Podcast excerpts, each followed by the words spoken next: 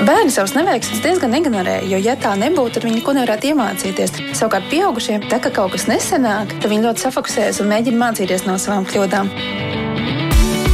Skola un augšana, attiecības un sadzīve, fiziskā un emocionālā veselība. Par šo un daudz ko citu raidījumā ģimenes studija. Tieši tā ģimenes studija jūs sveicina. Labdien, jums saka šī radījuma producenta Liena Vīmba, mans vārds ir Agnese Linka. Ko nozīmē izdegšana un kā tā izpaužas bērniem vai pusauģiem? Vai un kā tā ir atšķirama no ziemas saguruma vai tāda vienkārša izsīkuma, un eh, kā palīdzēt savām atvasēm izdzīvot šo gada tumšo laiku un arī vīrusu sezonu.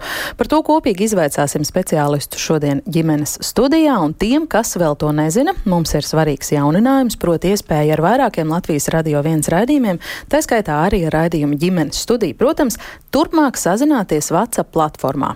Mūsu numurs tur ir 256 044. 4.0, rakstiet savus komentārus vai jautājumus, un, protams, saglabājas arī iespēja, kā vienmēr, sūtīt mums ziņas raidījumam ģimenes studiju no Latvijas radio mājaslapas. Nu, dariet, kā jums ērtāk, mēs priecāsimies par jūsu jautājumiem, viedokļiem, pieredzes stāstiem.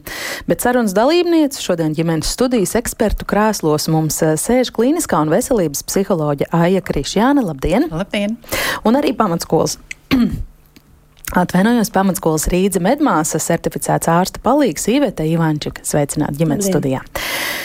Ko mēs vispār varam definēt kā izdegšanu? Kas tas ir? Vai tā ir pārslodze, ilgstoša pārslodze, vai tā definīcija, tas skaidrojums būtu tāds plašāks? Aija?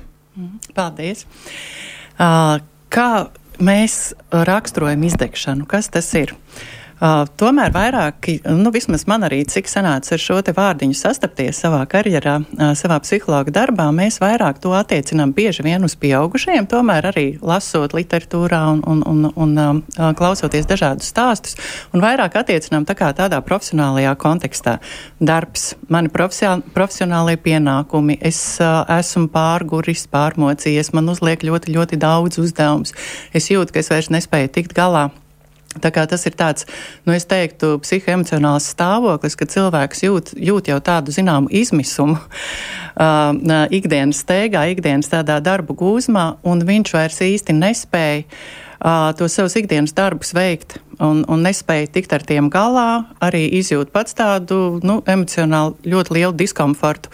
Uh, kas var novest, protams, pie trauksmes, pie depresijas un, un šiem nejaukajiem simptomiem. Ja mēs runājam par bērniem, nu, kas šeit būtu tas profesionālais konteksts, vai ne? Jo, jo šodien mēs runājam tomēr par bērniem un par pusauģiem. Jauniešiem, kuriem, jauniešiem vai ne, kuriem darba nav, teikt, viņi jā. vēl tajā darba, darba gaitas nav uzsākuši, darba dzīve viņiem vēl tāda nav sākusies, bet viņi iet skolā vai ne? Viņi mācās skolā, un mazie bērni dodas uz dārziņu, un ir dažādas interešu izglītības uh, iespējas un tam līdzīgi. Un tad, laikam, ja mēs runājam par izdegšanu šai te vecuma grupai, tad, laikam, primāri par ko būtu jārunā, tas ir skola, par to, kā bērns, kā jaunietis jūtas skolā, uh, cik viņš jūtas, uh, nu, tā kā labi, cik viņš jūtas spējīgs tikt galā ar mācībām, kā viņš spēj sabalansēt tās prasības, kas ir skolā, un ne tikai skolā. Es domāju, domāju, mēs šodien pieskarsimies arī tam, kā kādas ir prasības mājās no vecāku puses? Tā kā jā, kā jaunietis spēja tikt galā ar skolas lietām, ar mācībām, mhm. droši vien tas. Tad jūs piekrītat, ka attiecībā uz bērniem, pusauģiem, arī jauniešiem mēs varam runāt arī par izdegšanu, līdzīgi kā tas ir runājot par pieaugušajiem? Es domāju, noteikti. Noteikti. Sevišķi, ja mēs runājam par jauniešiem, tad pilnīgi noteikti vec, šim vecuma posmam ir raksturīgi šādi simptomi.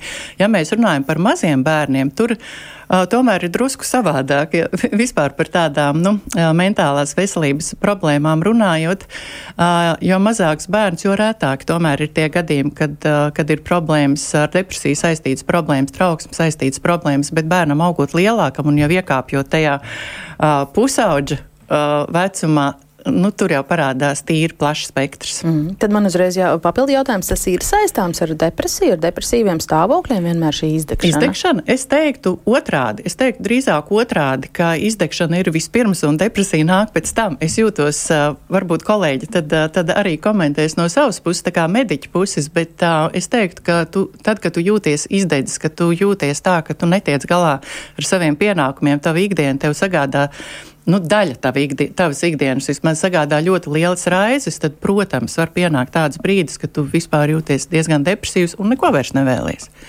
Mm -hmm. um, Iveta, lūkojos arī uz jūsu pusi, kāda jūsu novērojuma, kā šī pārslodze, izdegšana un tam līdzīgas parādības izpaužas skolu vidē, tieši domājot uh, par pašiem bērniem, pusauģiem, skolēniem. Kādi jūsu mm. vērojumi?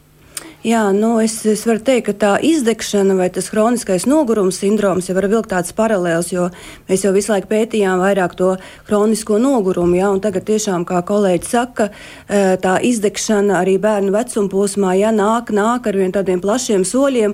Tas ir viens no tiem jautājumiem, arī pie kā pieskaramies un ko mēs arī uh, skolā uh, saskaramies. Bet par to uh, izdegšanu vai to kronisko nogurumu tas tomēr ir tāds lielāks laika uh, posms, tie tomēr būtu tie seši mēneši, lai mēs varētu teikt, ka jā, jā bērnam ir šī kroniskais nogurums, vai viņš ir saskāries jau ar, tādu tā izdegšanas sindromu, ja, kur ir vairāk šo simptomu kopums. Un bieži vien arī tas var būt, piemēram, iedzimtība arī, ja, kas piemēram pie kaut kāda triggera, ja tagad izpaužās arī pat, tā, pat tas pats D vitamīna trūkums, ja, kas arī eh, tagad mums taču ir katru gadu D vitamīna dienas, ja, un arvien vairāk un vairāk ir šī pētījuma, ka tas D vitamīna eh, trūkums organismā tiešām var veicināt arī tādas katastrofālas sekas bērnu uzvedībā, ja, un arī tajā depresijā un tā tālāk. Ja. Mm, eh, bet uh, skolas vecuma bērniem pat arī uh, pirmā un otrā klasīte. Viņi ir pārguruši. Viņi tiešām netiek galā ar to pienākumu, ko viņiem bieži vien uzliek ne tik daudz tā skola, jo tomēr skola tas mums visiem ir certificēta mācību modeļi, ja, pēc kā mēs skatāmies, ja, bet tas ir arī tas, ko viņiem uzliek par pienākumu, ja arī tā vecāka tas ģimenes lokus, ko viņi vairs bērni nespēja nest. Un tad ir tā, ja, ka tas ir tas nogurums, ja bērnu miegainība, viņi tiešām ir depresīvi, ja arī nāk jau ar tādu paši par sevīm uh, stāstu, ja, ka man ir depresija, man ir slikti, uh, es nevaru eh, piecelties, es nevaru laicīgi aiziet gulēt, es esmu nemierīgs. Ja, jau bērns nosauc tos simptomus, kas man jau liek ja, ieklausīties, kad Tiešām mēs varam runāt šeit par to izdegšanu, nespēju tikt galā ar to savu ikdienu ilgākā laika termiņā.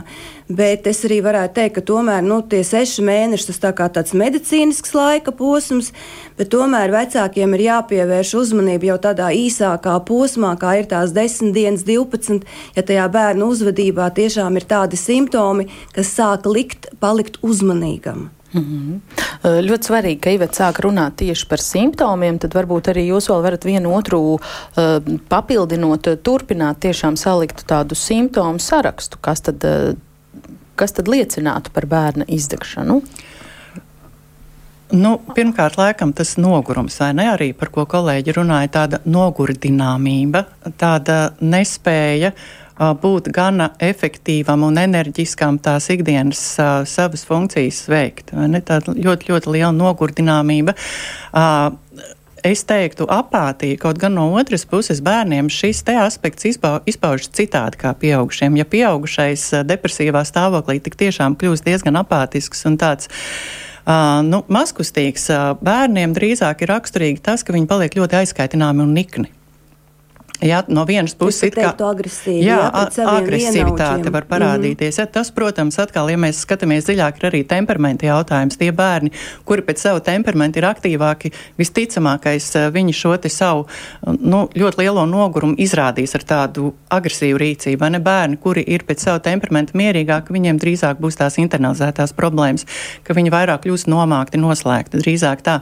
Bet bērniem ir ļoti, ļoti raksturīga tā aizkaitināmība, dusmas. Jo, jo pēc būtības jau ir tā, ka bērns nesaprot īsti, kas notiek un kā ar šo tikt galā. Un, un sevišķi, ja mēs runājam par mazākiem bērniem, par tādām jaunākajām klasītēm, un ko bērns dara, ja viņš nezina, kā tikt galā. Nu, tad viņš dara to, ko viņš spēja darīt. Tad viņš vai nu kliedz, vai nu, vai nu varbūt kādu pagrūž, vai nu, šādā veidā pauž tās savas, savas, savas, savas sajūtas. Tas ir viens otrs, kas vēl var izdegšanas gadījumā pilnīgi noteikti, par ko nedrīkst aizmirst, un kas ir tāds būtisks simptoms, un kas vecākiem būtu jāņem vērā.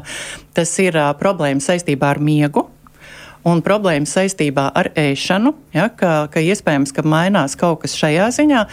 Bērniem gan atkal, ja es atļauju salīdzināt ar pieaugušiem, saistībā ar miegu vairāk ir problēma tajā virzienā, ka bērni pārāk ilgi guļ. Ja, ja pieaugušais ir izmisis, izdeidzis vai, vai tādā depresīvā stāvoklī, pieaugušiem visdrīzāk būs tā, ka viņš par maz guļ. Bērnam vairāk būs tā, ka viņš ir ārkārtīgi miegains, ka viņš var nogulēt tur cauru nakti, cauru dienu un vienalga es to enerģiju nevaru dabūt. Ja.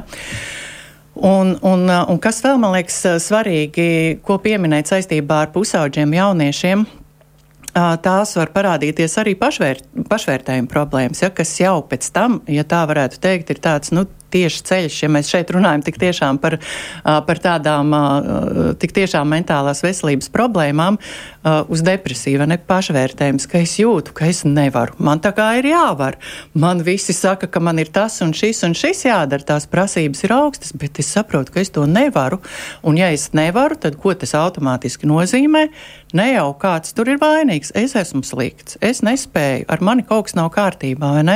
Un līdz ar to bērnam arī var parādīties šādi šādas problēmas, un tas jau savukārt izpaužas tādos veidos, ka bērns vairs negrib darīt to, ko viņš līdz šim samērā forši ir darījis. Tur, piemēram, dziedājis vai dejojis vai zīmējis vai, vai kaut ko no ārpus skolas nodarbību šādām te aktivitātēm īsti vairs nē. Tā kā vairs negribās, tā kā vairs nevēl ārā iet, tā kā negribas vispār tikties ar cilvēkiem. Tāda nepārliecinātība par sevi parādās. Mm -hmm. Šī ir tā simptomu grupa, es teiktu, no manas puses. Nu, Iemet, ja vēl ko piebildīsiet, vai ir kaut kas vēl, ko likt klāt? Nogurums, agresija, nomāktība, noslēgtība miegēšanas problēmas un pašvērtējuma problēmas, un ne kādām aktivitātēm. Vai AI visu ir uzskaitījusi? Jā, principā tas arī būtu tāds mm. tiešām tāds modelis, ja, kas liktu uh, vecākam vai mums kā pedagogiem vai medicīnas personālam būt uzmanīgākiem, ja, tomēr to bērnu uh, nu, vairāk pavērot, uh, ar viņu aprunāties, ja, jo arī ir tā, ka šajā trakajā ritumā tas vecāks jau aizmirst, ja, kad arī tam bērnam ir jāpaprasa, ja, arī ar viņu ir jāparunā, jo Tas, ka tajā pirmajā, otrajā, trešajā klasītē tam bērnam uzgrūž visu, jo viņš īstenībā grib, jā, viņš grib aiziet gan uz to peldēšanu, gan uz to judo karatē, gan uz to e, zīmēšanu un, un, un, un keramikas pulciņu, jā. Un tas, ka viņš tajā otrā klasē tā kā negrib vairs, tas arī ir, ir normāli, pilnīgi normāli. Bet galvenais ir saprast, jā, nu, kā, kāpēc viņš negrib, jā, kas ir tas uh, iemesls vai kas ir tas kritērijs, jā. Un, pie, un pie, pie, protams, arī pavērot eh, arī viņu uzvedību, jā, parunāt ar klases audzinātāju. Vecāki nezinu, kāpēc baidās, ja iet pie klases audzinātāja, baidās lasīt e-klases ziņas, jo es arī rakstu vecākiem un es skatos, mans vēstules nemaz neviens vaļā nevar, jā. Baidās, es ne, nemaz nerunāšu par tādiem eh, pētījumiem, jā, piedalīties, lai gan bērnam ir tik fleksiblas smadzenes, jā, ka tieši otrādāk tam vecākam ir pirmam rindā jāstāv un nevis jābārš tā galva smiltīs un, un nekādā veidā, lai tik mans bērns bērns, lai neparādās kaut kas tāds, no kā īstenībā man ir bail un ko es nevaru, nemāku izskaidrot.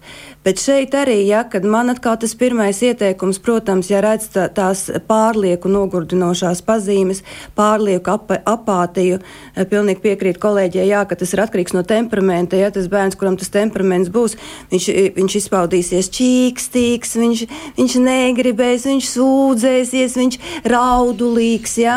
Tam bērnam, kuram tas temperaments, jā, viņš būs aktīvāks, viņš sāks darīt pāri.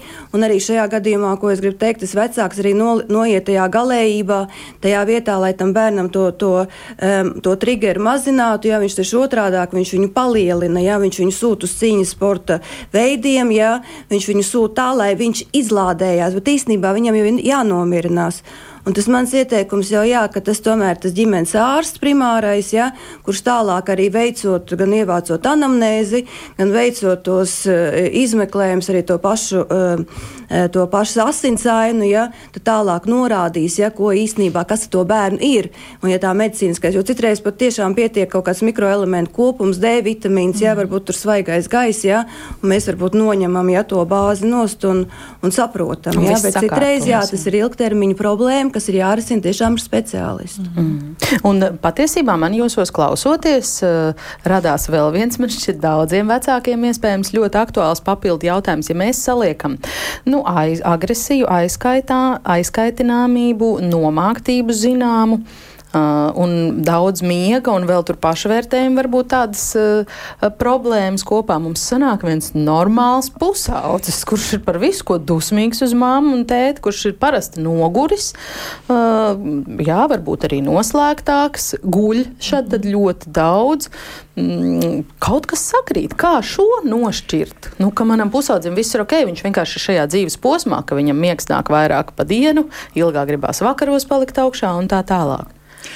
Šis ir ļoti labs jautājums. Es teiktu, šis ir, šis ir izcils. Jautājums par miljonu. Jā, šis ir izcils jautājums, jo tiešām par to diezgan daudz arī tiek runāts, kā atšķirt, jo šis, par ko mēs runājam, it kā ārēji ir pusaudzim ļoti, ļoti raksturīgi.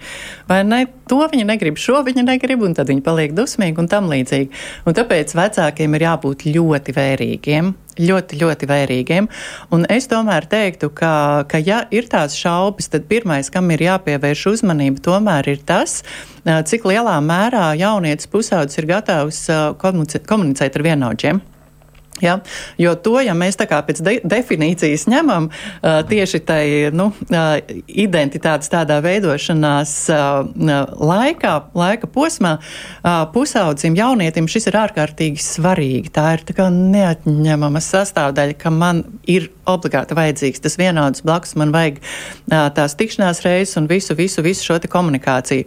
Ja šī būtiskā daļa izpaliek, tad tik tiešām var sākt jau domāt, kas te īsti notiek, vai ne? Uh, sevišķi, ja jaunietis pirms tam ir bijis tāds gan aktīvs un gājis un sabiedrisks, jā. jā, un runājies, un viņam ir bijuši draugi un tā tālāk, un tagad tas vairs nav tas tā kā izplēnējis ir. Mm. Tad pilnīgi noteikti jāsāk uztraukties. Mm. Tā tad viena indikācija. Māma teica skaitina, bet ar draudge, draudzenēm vai draugiem tikties gribas, tad vēl ir ok. Jā. Jā, varbūt nogurums liels darba dienās, bet brīvdienās gana mundrs, tad arī var teikt, ka viss ir kārtībā. Nu, īstenībā par to, par to pusaudzi ir tā, ka eh, mums jāsaprot, ja, vai tas ir pusaudža vecuma posms, vai tiešām tā ir pubertāte, ja, vai tas ir tas hormons, ja, kas par to pusaudzi valda. Un tiešām viņam pašam bieži vien pašam priekš sevīm tā uzvedība ir neizskaidrojama. Ja. Viņš tagad ņemās un skatās un mēģina, ja, bet, kā jūs pareizi teicāt, ir jābūt tam otram pusaudzim, jābūt tam pusauģu grupai, tai atbalstošai, tai, tai komunikācijai. Ja. Un šeit arī vecāka lieta ir skatīties, ja, lai tur arī neaiziet tādās galējībās, jo arī grupā notiek daudz un dažādas nu, sliktas lietas, ja, kur tas pusaudzis īstenībā nemaz tik ļoti ieintegrēties nu, negribēja. Ja, bet eh, kas attiecās arī uz to, ka viņam mainās eh, tā uzvedība, tā attieksme, tas arī ir normāli. Uh, jo hormons valda par mm. viņu. Katrā Viņš, ziņā te mēs nesatrauksimies par izdegšanu. Pilnīgi pareizi. Šeit jau tā, tālāk ir skatīties, pavirzīt, paskatīties, parunāt. Ja? Jo man arī bija viens tāds uh, pusaudzis, var teikt, tiešām tajā pašā hormonālā plaukumā. Uh, kad eh, ar viņu tiek eh, izrunāta, eh, izrunāts bāzes modelis, ar viņu tiek izrunātas lietas, nu, kā vajadzētu varbūt uztvert, kā vajadzētu reaģēt. Ja? Tie paši stresa mazināšanas mehānismi, um, kolēģi zina, ka tādi arī pastāv arī uz fiziskās bāzes, ka Jā. bērns arī vingro neredzot to citiem, ja ka viņš to savu trauksmi mazina ar sociālā pieņemamiem uh, paņēmieniem, bet viņš uh, izrunājot iepriekšējā dienā ar viņu Eh, visu situāciju, un viņam saprotot, viņš saka, jā, es nedarīju pareizi, viņš tā kā piespiežot atvainoties, bet viņš saka, jā, es sapratu, es tagad zinu, izrunājot citu modeli līdzīgu, viņš saka, jā, es rīkošos tā un tā, un tajā pašā laikā, nākošā dienā, viņš izdara analoģiski to pašu darbību, tieši to pašu, ko viņš ir izdarījis tad, par ko mēs viņam runājam. Un man tiešām bija interese uh, satikt viņu, negaidot jau to vakaru, paprasīt, paskaidro man, jo es arī daudz ko nesaprotu, kas tas bija. Un viņš teica tādu ļoti labu frāzi, kas man tiešām palīdz, ja e, bieži vien e, nenovērtēt kritiski e, to darbību. Viņš saka, es nevaru vakarā aiziet gulēt un uzreiz no rīta pamosties cits. Ja? Tā ir tā vislabākā atbilde, ko tiešām ir jāsadzird. Un tas ir tas pusauģu vecuma posms, man liekas, viens no raksturīgākajām pamatiezīmēm. Mm. Ja es drīkst, cik, cik brīnišķīgi, gudrs bērns, vai ne bērni vispār fantastiski un, un gudri. Ļoti liels prieks šādu stāstu dzirdēt. Un, un, un man liekas, šī ir drusku tēma, varbūt vai šai vai citai diskusijā par to, ko vecāki tik tiešām sagaida no saviem bērniem, mm. vai ne? Un arī, ko vecāki sagaida no speciālistiem.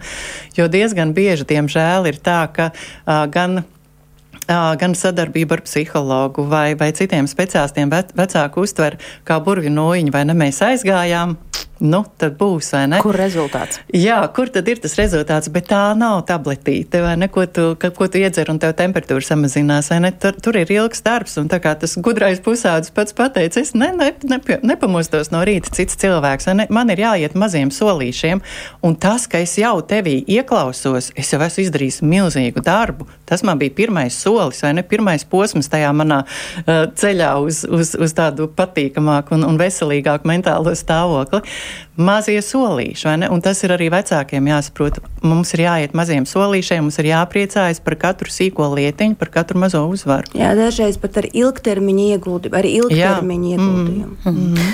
Bet tā nedaudz rezumējot, kas ir tas, tad jūsu skatījumā, kas rada izdegšanu bērniem, pusaudžiem, jauniešiem? Kas to rada? Tā ir mācību Eh, slodze un apjoms, vai šeit mēs varam runāt arī par uh, ārpus skolas aktivitātēm un to apjomu un intensitāti? Iet? Jā, nu. Uh, par, par mācību apjomu un skolas programmu, kā jau teicu, ja, mums šeit principā ir maz kas sakāms, jo tomēr viņa ir integrēta sabiedrībā. Viņa mums iziet katru gadu to atbalsta programmu, ja viņa tiek akceptēta. Un principā tas, ko es redzu skolā no skolotājām un dzirdu, principā tas mā, mācību modelis, kas ir elementārī, ja, tas ir no skolas bērnam, kas ir normāls skolas bērns, ja, bez, nu, kas, kur neiet mums līdz varbūt kaut kādas diagnozes, ja, vai kaut kādas speciālās apmācības metodikas, ja, viņa ir uh, normai plus mīnus pieņemama, ja, mm. uh, bet nav jāaizmirst arī tas, ka bērns sāk iet uz skolu, tas jau ir viņa darbs, tas ir viņa pienākums likums, tas ir tas pamats, uz ko viņš stāv, un pēc tam ir tikai, es varbūt nepareizi tā runāju, tad man varēs, man kolēģi kaut kādā veidā, es, es arī fleksibli esmu, es labprāt mācos, bet tas ir tas viņa primārais pienākums, kas arī ir jāpilda katru dienu, un pēc tam ir tikai tie pulciņi, ārpus skolas aktivitātes, kas veicina, palīdz, atbrīvo, nomierina. Ja? Un ja viņam saliek pa daudz, tad, protams, tad mēs arī varam runāt par, par to, ka viņš nevar izmācīties. Un tad vecāki saka, skolas programma ir pat raku, ja? mēs netiekam līdzi, mēs nevaram izmācīties, mēs nesaprotam. Ja?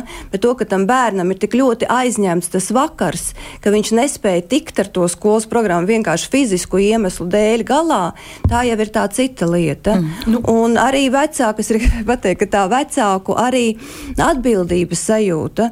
Mums skola sākās deviņos. Ir tā, ka uh, nepavēlti ir tas modelis skola tuvāk dzīves vietai. Bērni tiek vesti no rajoniem un no septiņiem viņi sēž skolā, kad sākās stunda tikai deviņos. Ja? Tad jūs pareiķināties, cik, cikos viņš ceļās, cikos viņš ēd tās brokastis, viņš vispār var paēst. Brokastis tās ir 25% no ikdienas enerģētiskās uztveres devas. Mm -hmm. un ir gan dažādi vecāki ar dažādām prasībām pie tās mācības lodes atgriežoties, gan arī dažādi bērni. Ir tādi, kuriem savi mācību sasniegumi rūp maz, un ir tādi, kuriem tas rūp ļoti, ļoti. Ir arī dažādas kā es vēroju, atšķirīgas tās mācību vides. Ir tādas uh, klases un skolas, kurās mācību sasniegumi nu, iet uz sacensību un, un, un ir ļoti stilīgi mācīties, ļoti, ļoti labām atzīmēm, un tad ir atkal tādas relaksētākas, atslābinošākas mācību vides. Tas arī varētu būt no svārāja. Es teiktu, noteikti, un varbūt uh, man, man ir tā, kā lai saka, vai nu priekšrocība vai trūkums, kā nu kurā gadījumā runājot par jauniešiem, ka es strādāju ikdienā ar jauniešiem, kam ir šīs mentālās uh, veselības problēmas, vai ne, un es man nāks ar to ļoti daudz saskarties, un, un šeit man nedaudz tomēr ir jāmet akmens to ļoti, ļoti reitingos augstu esošo skolu dārziņā, jo, jo tas, tas, ko es dzirdu, tas, ko es jūtu no ģimenēm un no bērniem, ka prasības tik tiešām ir ļoti augstas. Tas ir viens, kā augstas prasības. Otrs ir tas, ka šī ārkārtīgi lielā akcenta likšana uz reitingu, uz vērtējumu, uz salīdzināšanu, ka bērnam jau beigu beigās tas mērķis vairs nav uh, apgūt zināšanas, bet nonākt kaut kādā vietā konkrētā. Ja, man tur ir jābūt pirmajā pieciniekā. Nav runa par to, ka es tur gribu iemācīties to, to vai šo, vai saprast, ko es dzīvē darīšu, vai, vai tam līdzīgi, bet man ir jābūt otrajam, man ir jābūt pirmajam, man ir jābūt tur, vai ne?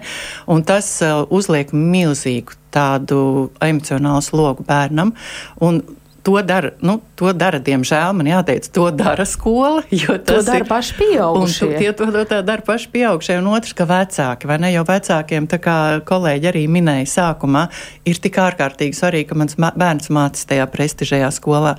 Un tas nekas, ka viņam matemātika riebis. Varbūt tam bērnam ārkārtīgi patīk gleznošana, viņš ir super radošs, bet viņam ir jāmācās šajā gimnāzijā, jo tas ir prestiži.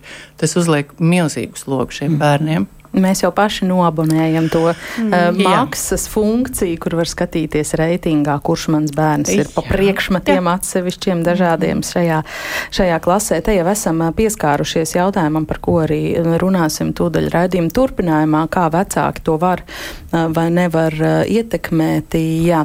Mums raksta arī klausītāji un Varbūt, ka iespējams, ka mēs jau sākām atbildēt daļēji uz kāda klausītāja rakstīto. Viņš saka, manā bērnībā bija slodze, ņemšanās nebija ap mani. Visu ārstēja doktoras Bērziņš un māma, bet mūsdienās bērni ir jēla solis. Reti, kad kāds šīs tematikas raidījums iztiek bez eh, šāda veida komentāriem, kuros, jā, eh, cilvēki saka, tā tā vārgā jaunā paudze, kas nespēja neko izturēt, agrāk gan tur tērauts rūdījās tā kā eh, nākas. Vai šādam viedoklim ir arī ko piebilst vai iebilst? À, nu, šā šādam viedoklim es teiktu tā, šim jautātājam pajautāt varbūt pašam sev. Ok, tā ir bijis, es esmu tā audzināts, tā tas mūsu laikā bija, bet cik es laimīgs jūtos šodien? Cik mana dzīve ir laimīga, cik es jūtos piepildīts, cik es esmu apmierināts ar attiecībām, ar savu profesionālo izaugsmu, vai es esmu laimīgs tāds, kāds es esmu? Ja jā, tad uh, ir, ir forši, ja, jauki to dzirdēt. Bet, uh, bet parasti, diemžēl, tā atbilde nebūs. Jā, ne? Parasti tur uh, šiem te audzināšanas stiliem nāk līdzi arī du, daudz dažādas blaknes. Un, un pirmā, ko es nosauktu, un tā, man, manuprāt, centrālā, uh, tas ir, ka zūd saikne ar vecākiem. Saikne, sirsnība, mīlestība vec, starp vecāku un bērnu neatgriezeniski tiek salauzti. Ja? Un, un, un tā kā vaicātājs var šo jautājumu sev uzdot, kādas man ir attiecības ar maniem vecākiem. Jā. Es atgādināšu, ka ģimenes studijā mēs šodien runājam par to, kas ir izdegšana, kā tā izpaužas bērniem vai pusauģiem un kā palīdzēt šo tumšo gada laiku, ziemas mēnešus bez saules, ar zināmu izsīkumu pārvarēt saviem skolēniem. Un sarunā piedalās klīniskā un veselības psiholoģija Aija Krišjāna un arī pamatskolas Rīdze medmās certificēts ārsta palīgs Iveta Ivančika.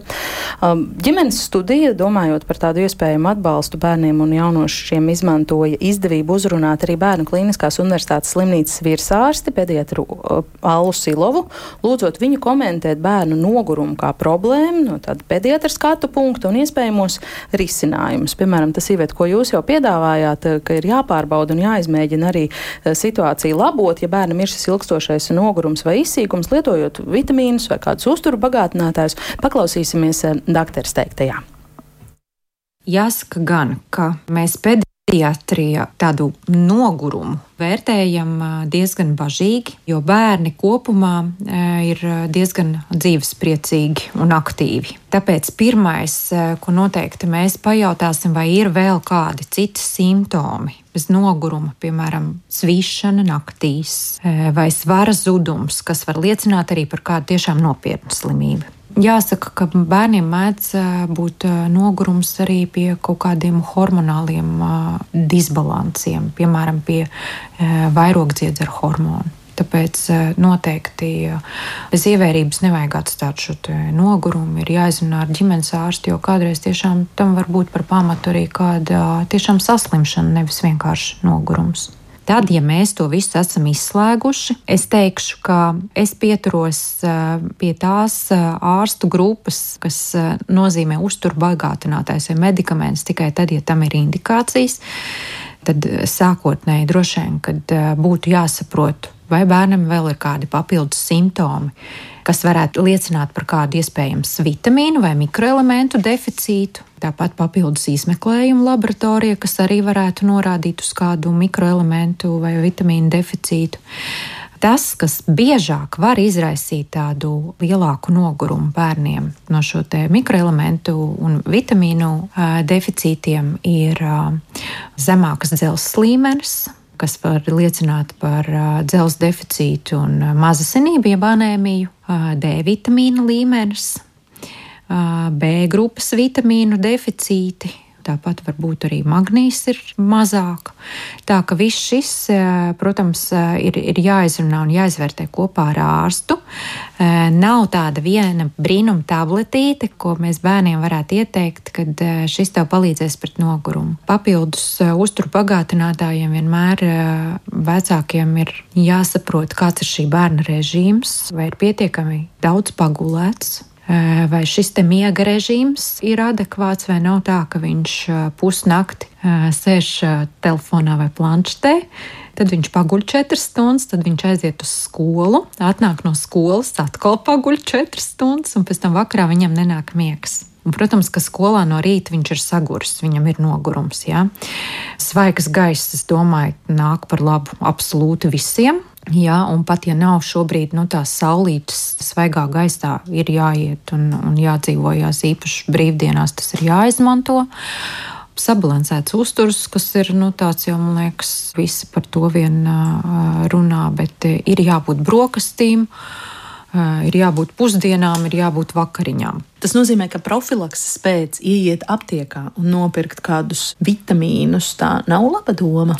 Es neatbalstītu, jo jūs jau nezināt, pirmkārt, tādas multivitamīnu uh, preparāti nu, tiešām ir, ir jāizvērtē, vai tiešām bērnam ir kāds vitamīnu deficīts, ka viņam ir nepieciešami visi šie multivitamīni.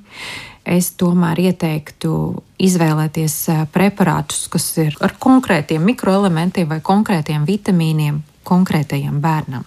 Un jūs pieminējāt laboratoriskos izmeklējumus. Tas nozīmē, ka tas būtu jālūdz eh, ģimenes ārstam Jā. kāda nosūtījuma uz analīzēm. Jā, labāk, protams, būtu, ka tas ir uh, ar ģimenes ārstu izrunāts, jo, jo ģimenes ārsts arī uh, redzēs un sapratīs, kas ir papildus nepieciešams. Protams, ir vecāki, kas kādreiz mēdz arī paši par savu naudu veikt izmeklējumus. Nu, tad tajā pamatā noteikti ir jābūt pilnai asinsainai dzelzs līmenim, feritīnam, būtu labi arī B12 aktīvo paskatīties, jo tas mēdz būt arī pazemināts, kas var izraisīt gan nogurumu, gan arī mazasinības simptomus. D vitamīns pats par sevi, kas man liekas, to droši vien visvecākie zina. Jā, jo D vitamīns ir ļoti populārs. Mēs zinām, ka D vitamīns ir kaut kas, ko ārsts saka, jādzer klāt visiem Latvijas iedzīvotājiem, vai tas attiecas arī uz bērniem, vai tiešām arī gan regulāri bērniem tomēr ir jāpārbauda šis D vitamīna līmenis. Jā, es noteikti aicinātu vecākus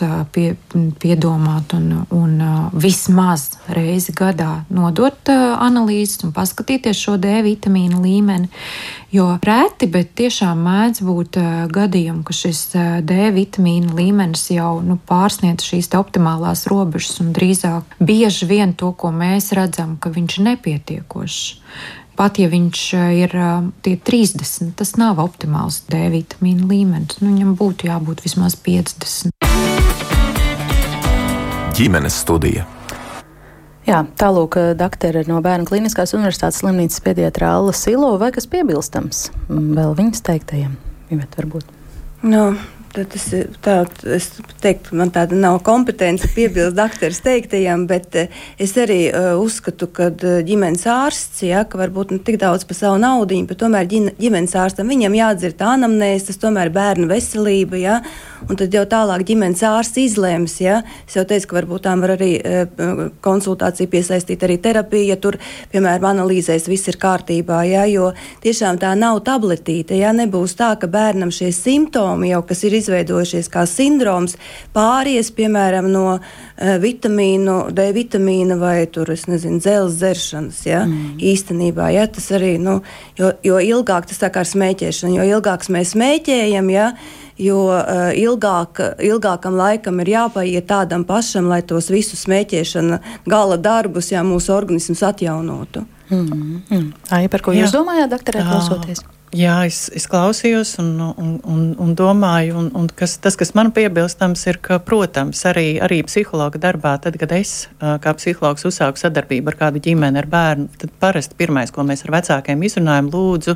aiziet pie ģimenes ārsta, apskatiet, pārbaudat asins analīzes, paskatieties, vai kā, medicīniski mēs varam visu izslēgt. Un tad mm -hmm. mēs ķeramies mm -hmm. klāt pie emocionālā stāvokļa. Ja? Tā kā tas ir ļoti būtiski. Pamatlieta būtībā. Mm -hmm. jā, mm -hmm. jā. Vai par izdegšanu runājot, var izšķirt, vai tā vairāk apdraud to labklājīgo, ieinteresēto vecāku bērnus, kas auga eh, labi un aprūpēti, pieskatīti mācību ziņā, tad viņiem ir pulciņu grafiks, kas vēl pēc stundām jāapmeklē, un viņi ļoti labi mācās un visu pildu, vai tā skar arī uh, nu, citas sociālās grupas, nevis šos ļoti aprūpētos un ļoti ieraudzītos bērnus primāri, kā jūs teiktu? Nu, grūti pateikt. Šādu statistiku es nezinu.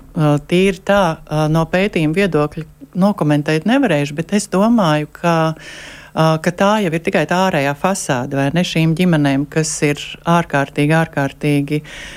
Nu, nu, labvēlīgas, vai, vai, vai tieši otrādi ģimenes, kas varbūt izskatās nu, motivēti, ambiciozi vecāki. Jā, uh, varbūt gan tā, gan tā, es domāju, mm. varbūt gan tā, gan tā, un tas tomēr, tā, tāpēc jau arī pastāv laikam psiholoģija un psihoterapija, uh, ka mēs katrs esam tik ļoti dažādi, tik ļoti dažādi, un tieši tāpēc uh, es arī vecākiem bieži vien uh, saku, lai kritiski izturs pret. Uh, šiem dažādiem ieteikumiem, ko sociālajos tīklos var atrast, jo, jo mēs esam ļoti dažādi un mēs nevaram to metālīti visi vienu un to pašu uzvilkt mugurā, vai ne? Tāpēc es tā kā neriskētu laikam komentēt šo, varbūt ļoti dažādi. Mm -hmm. Protams, ja vecāki paši arī savā, kā, sa, savā pieredzē ir izjutuši to, ka ir labi jāmācās, ir jābūt labām atzīmēm un tā, protams, ka viņi visbiežāk arī to nesīs tālāk savā ģimenē, saviem bērniem šo ziņu nesīs līdzi un, un, un tā visticamākais arī būs. No otras puses, varbūt ģimenes, kurās eh, tas nav bijis pašiem vecākiem tik ļoti būtiski, un tagad viņi vēlas, lai tad vismaz viņu bērni kaut ko sasniedz. Vai nesasniedz. Jā, jā. Tas var būt ārkārtīgi dažādi. Nu, mums, piemēram, māja raksta, lai bērns tiktu uzņemts prestižā skolā, ir jāaiziet iestāja eksāmenī. Viņš ir talantīgs, nevajag bremzēt, jo tā mēs veicināsim viduvējības. Arī tālāk dzīvē par panākumiem būs jācīnās, un esmu laimīga, ka man to iemācīja jau uh, bērnībā. Ivet, kas piebilstams? Jā, līderi līderisms tā ir laba īpašība, ļoti laba īpašība. Un arī tā latiņa celšana mm. arī bērnam daudz ko dod, arī pašietekmē un tādā pašapliecināšanās un arī savā tālākajā dzīvē. Tas ir viennozīmīgi un tas ir neapstrīdams fakts. Ja? Bet jautājums ir, cik mēs augstu to latiņu tam bērnam celsim, ja? kurā brīdī mēs apstāsimies. Jo ir ne tikai svarīgi man arī to latiņu uzlikt vai tās normas noteikt, ja? cik man svarīgi arī ar to bērnu parunāt, ja? pastāstīt viņam, jo tiešām var būt vienā brīdī, ka nu, viņam ir smagi. Ja, kad viņš vienkārši nevar fiziski nest, un tad jau izveidojas tā emocionālā atbildes reakcija. Ja, mums bērns paliek uh, noguris, ja viņam ir grūtības jau mācīties, un tad jau viņam pienāk tas brīdis, ka viņš vairs neko negrib. Mm. Viņš saka neko. Jo viens ir dzimis līderis, un cits varbūt nē. Bet attīstīt līderismu īpašības mēs varam jebkuram. Ja? To arī vērts paturēt prātā, protams. Jā. Uh, Vai šī problēma ir skatām arī kontekstā ar to, kā bērns pavada savu brīvo, brīvo laiku, piemēram, vai atpūta ir bezmērķīga, bezjēdzīga, nu, no vecāka perspektīvas vismaz skatoties. Eh, Skrolējam telefonu, eh, ekrāna ierīcē centās stundas, vai varbūt tas ir arī uzskatāms par normālu laiskošanos, par tādu atslodzi, kur mēs katrs darām to, ko mēs vienkārši brīvi gribam. Kā jūs teikt? Jo Sandra arī jau pašā raidījuma sākumā uzreiz eh, aši iesūtīja mums jautājumu jautājumu, cik daudz eh, izdegšanas simptomus var norakstīt uz telefoniem, datoriem, jo lielai daļai negribas neko, tikai datoru un telefonu. Mm -hmm. uh, Es domāju, ļoti lielā mērā, bet atkal jautājums par to definīciju, ne, kas, kas tā izdegšana tāda ir. Ja mēs par izdegšanu runājam kā tādu ļoti lielu augstu prasīgumu pret sevi, milzīgas gaidas pret sevi, tas ir viens. Ja mēs runājam par, par enerģijas trūkumu un tam līdzīgām lietām, tas ir kaut kas cits, un šeit ekrāna laiks noteikti ir ļoti liels ienaidnieks, ne milzīgs ienaidnieks. Uh, protams, ja es spēju, vai mani vecāki man to palīdz ierobežot mani, un es tajā telefonā tik tiešām pavadu stundu, tad es ņemu, nu, atkarībā no bērnu vecuma arī, vai ne, tad es ņemu pauzi, tad es atkal, tad es kaut ko izdaru, iemācos, tad es atkal drīkstu paskatīties, vai, vai to daru. Tas ir viens jautājums, bet otrs, ja es pavadu nepārtraukti uh, ik brīvo mirkli ekrānā, tas. Um, es teiktu, noteikti novedīs pie depresijas simptomiem. Mm. Bet par šo ir viedoklis. Jā, jo atpūta nav slinkošana. Jā, tie mm. ir divi dažādi vārdi ar dažādu terminoloģiju. Atpūta tas ir tiešām bērnam atpūta, kas ir e, staigāšana, kā doktori teica, jā, brī, e, svaigā, e, svaigā, svaigā gaisā. Jā, var visa ģimene kopā staigāt svaigā gaisā. Var tiešām iziet ārā un, un pastā, paskatīties tajos pašos mākoņos, jā, un pateikt, ko viņi redz, jā, parunāt par, nu, par, par dzīvniekiem, par putniem. Jā, tā bija kolosāla akcija sestdien, svētdien, jā, vērojam un skaitam putnus pie barotavām. Jā, tā arī tāda ļoti laba lieta bet par tiem telefoniem un planšetiem un, un datoriem īstenībā es teikšu, ka es redzu, ka tā ir tiešām tāda, nu, var teikt, ilgtermiņa jau slimība. Ja, jo tie bērni pirmais, ko viņi izdara skolā, tas telefonu lietot nav ļauts. Ja mums ir tie noteikumi, ka tas bērns to telefonu neizmanto. Bet tikko viņš dabūna to telefonu, tur ir noteikti sakrājies tik daudz tās informācijas, kas viņam par to dienu, ko viņš ir palaidis garām. Viņi ir visi telefonos, un viņiem tie deguntiņi ir, un viņš pat pāri ielai iet telefonā. Ja? Tas atkal tas jautājums par to drošību, par, par izskaidrošanas darbiem. Un nevar jau bērnam teikt, neskaties telefonā, tas ir slikti. Ja? Bet īstenībā es esmu par tādu disciplīnu vai darba plānu, kad atnākot mājās un tam bērnam nav, nav, nav tie pulciņi, ja, ka viņš tur ka primārais ir izmācīties, un pēc tam, ja, ka tas ir darba plāns, ka man šodien es, piemēram, varu tās 15 minūtes pavadīt publiskās saitēs, un no sākuma tas ir tāds kontrols jautājums jautājums, tad pēc tam tas bērns ieiet pats pa sevi. Viņš tiešām ieiet, ja? un to iespējams ir tajā brīdī, tā kā nu, ar, arī nu, kaut kādā veidā viņam nu, pateikt, ka tas ir labi, ja? vai nu, ne, nevis pirkt tur saldumus, ja? kas ir otrgalējība, ja? bet uh, aprunāties, ja? jo tā tiešām ir tāda nu, traka slimība īstenībā. Mm. Bet psihologi arī saka, ka pusauģu vecums ir tas, kad ekrānu ierīču liegums ir tas, kas jau izraisa ļoti nevēlams emocijas arī starp eh, pusaudzi un vecākiem. Tā, tā arī ir tāda šaura robeža. Tā atkal. ir šaura robeža, mm. uh, bet no otras puses, man liekas, ko ir ļoti būtiski šeit pieminēt. Uh, un tā kā uh, vecākus iedrošināt, iedrošināt uz robežu likšanu. Mm. Pusauģi, lai cik viņi arī nebūtu spuraini un dusmīgi un, tam, un, un, tā, un tā tālāk, viņi novērtē vecāku rūpes. Viņi nekad šādiem vārdiem nepateiks, ai, māmiņa, novērtēju, tu par mani rūpējies, vai ne? Nekad tā nebūs. Bet, ja mēs kā vecāki neizrādām interesi, tad tas, ko es kabinetā dzirdu no šiem pusauģiem jauniešiem, manai mammai ir vienalga, vai es skatos, vai ne. Vai ne, ja tu pajautā vecāki, tev seko līdzi, cik tev tas ekrāna laiks, ai, viņiem pilnīgi vienalga. Un tu vari just no viņa tādu žēl, ka, ka tiem vecākiem ir viena alga, vai ne? Pat ja tas man nes kaut kādu diskomfortu manā ikdienā, Pusauģi šo novēr, novērtē, pat ja viņiem tas nepatīk. Tā kā, tur tā robeža tik tiešām ir jāatrod, un, un man gribas ļoti iedrošināt vecākus, ļoti draudzīgi, arī tā kā kolēģi teica, vai ne, uzmundrinot un pamanot arī labo, ko pusauģi šajos te ekrānos dara un meklē un skatās, vai ne. Uh, tomēr likt arī robežas, jo mēs esam pieaugušie un mēs zinām, kā to kuģi stūrēt, vai ne, mēs zinām labāk. Un arī bērnam ir vieglāk, ja viņš zina plānu, Jā. ja viņš zina kārtību, Jā. ja nav šī hausa, mm -hmm. kas bieži vien noved tiešām pie tādām nu, diezgan neprognozējamām rīcībām. Mm -hmm. Tā ir. Mm -hmm. Vēl kāda klausītāja mums raksta, es savukārt redzu, ka mūsdienās bērniem tomēr daudz uzdod mājas darbus. Katru otro dienu ir kāds pārbaudas darbs skolā, ir sajūta, ka skolotāji pārliecināti, ka bērniem nav ārpus skolas dzīves, nodarbības un pulciņu. Mūsdienās tomēr lielākā daļa bērnu ārpus skolas darbojas pulciņos, sporta veidos, kuros arī ir sacensības, un tā ir nozīmīga daļa viņu dzīves, no kuras eh, nemaz neviens negrib mm, atteikties. Šis ir par balansu atkal skola un ārpus skolas mhm. aktivitātes. Jā, bet skola, kā jau minēju sākumā, tas ir galvenais. Tas ir mans darbs, tas ir bērna pienākums. Viņš iet uz skolu, un tas ir primārais. Viņam jāizdara mājas darbi, un tas ir primārais. Un pēc tam ir tikai ārpus skolas darbs. Jo tas tāpatām, ja es tagad eju uz darbu, bet nē, man ir tagad, es nezinu, es domāju, ka es iešu uz dejām, es eh, spēlēšu violi. Nu, viens mans darba devējs to neakceptēs. Ja es pateikšu, kā tā, es tos darba pienākumus šodien neveikšu, jo tāpēc, ka man vakarā, es nezinu, tur eh, koncerts, jā, un man ir tagad jāmācās vai, vai, vai eh, jāmēģina tur to violi visu dienu spēlēt. Jā. Nu, tā nav nu, tāda, man liekas, objektīva nu, sa sapratne, jā, jo bērnam tas tas pienākums, tā ir tā skola, tas ir primārais, uz ko ir jāliek tas uzsvars.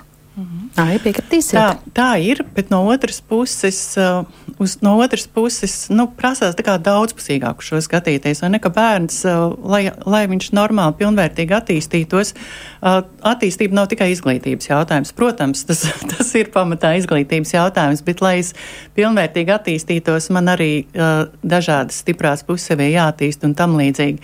Arī ko pētījumi rāda un pie kā es pati šobrīd strādāju, ir tomēr, ka šīs tēmas ārpus skolas aktivitātes ļoti lielā mērā nosaka to, vai bērnam uh, veidojas vai neveidojas šie depresijas simptomi. Ja? Ir pētījumi, kas pierāda, ka iesaistoties ārpus skolas aktivitātēs un jūtoties stiprs kādā, uh, kādā jomā, uh, bērns jūtas daudz labāk, viņa mentālā veselība ir stiprāka. Tas, uh, jau, tas ir tā. Uh, viennozīmīgi atkal nav pasakāms. Es teiktu, vai ne?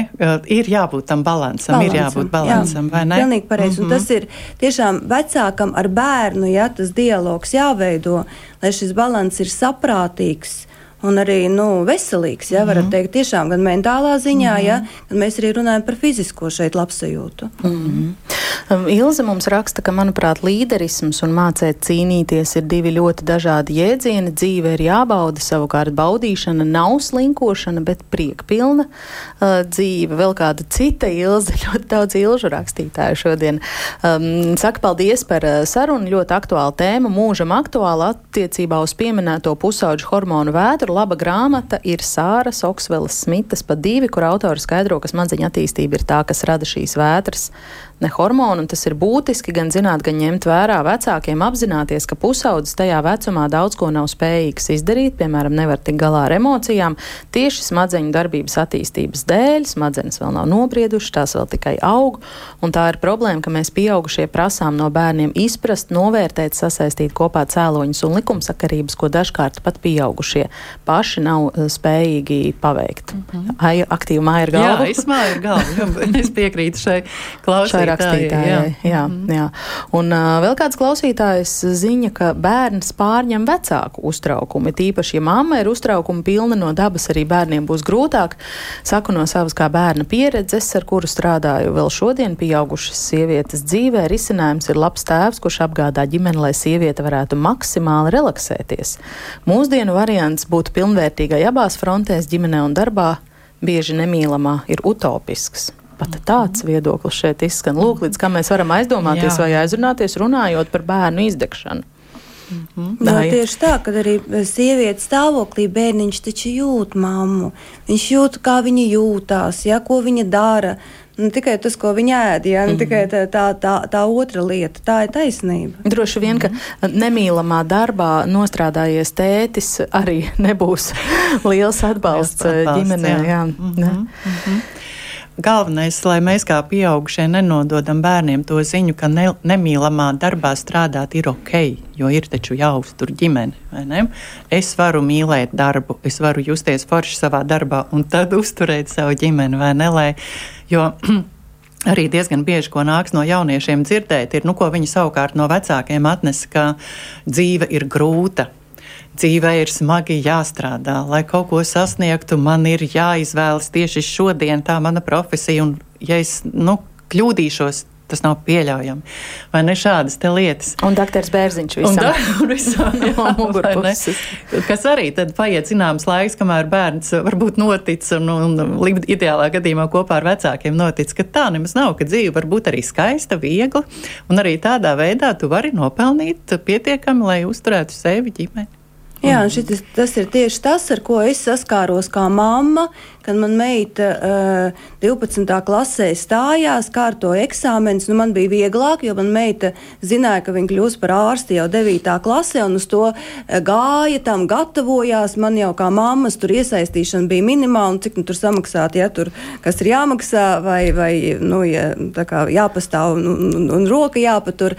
Bet es saskāros ar to, ka tiešām tajā 12. klasē tie bērni ir izmisuši, jo viņi nezin, kur stāties. Viņiem katru kaut kur, lai iestājās, lai būtu tas vecāka atbalsts, ka jā, tu esi iestājies, mācās augstākā izglītība ir ok, bet tā ir tā nevēlamā profesija. Mm. To viņi negrib pieņemt, jo, nu, kas man māma taču strādā? Mm -hmm. Ja, man mamma un kas un dzīve grūti, tiešām, kā grūti. jūs teicāt, ja, un neko, ja, kad viņu mēs arī nesagatavojam tam lēmumam, atbildīgam lēmumam. Mm. Jo no laimīgas dzīves eh, arī pētījumi rāda, ja, kā plauks mūsu sabiedrības labklājība. Dzīvnieki nav patversmēs, putniņi pabaroti, ja, bērni laimīgi mēs smaidām. Mm. Ja, un viens pret otru attiecamies savādāk, ar mīlestību. Jā, uz šīs pozitīvās nots teikšu paldies. Mēs arī šobrīd ģimene, visas, ģimenes studijā visas trīs eh, smaidām. Sarunā šodien piedalījās klīniskā un veselības psiholoģija Aija Krišjā Krišjāne un pamatskolas Rīgas medmās certificēts ārsta palīgs Iveta Ivančik. Paldies, ka atnācāt un dalījāties ar savu pieredzi un zināšanām ar ģimenes studijas klausītājiem. Rādījumu šodien veidoja Liena Vīma, pieskaņpults Katrīna Bramberga, mans vārds ir Agnese Linka. Rīt ģimenes studijā mēs runāsim par ģimeni un mājdzīvniekiem. Pie kādiem nosacījumiem pakļauties bērna teik vēlējai vēlmei un lūgumiem, gribu sunīti, kaķīti vai citu mīlulīti, kā dalīt atbildību un rūpes un ko dzīvnieku klātbūtne sniedz bērnam par to sarunu. Tad rīt, kā vienmēr no diviem līdz trījiem, klausieties mūs arī podkāstos Latvijas radio mobilē lietotnē un sekojiet ģimenes studijas sociālos tīklos uz sacirdēšanos. Paldies! Paldies.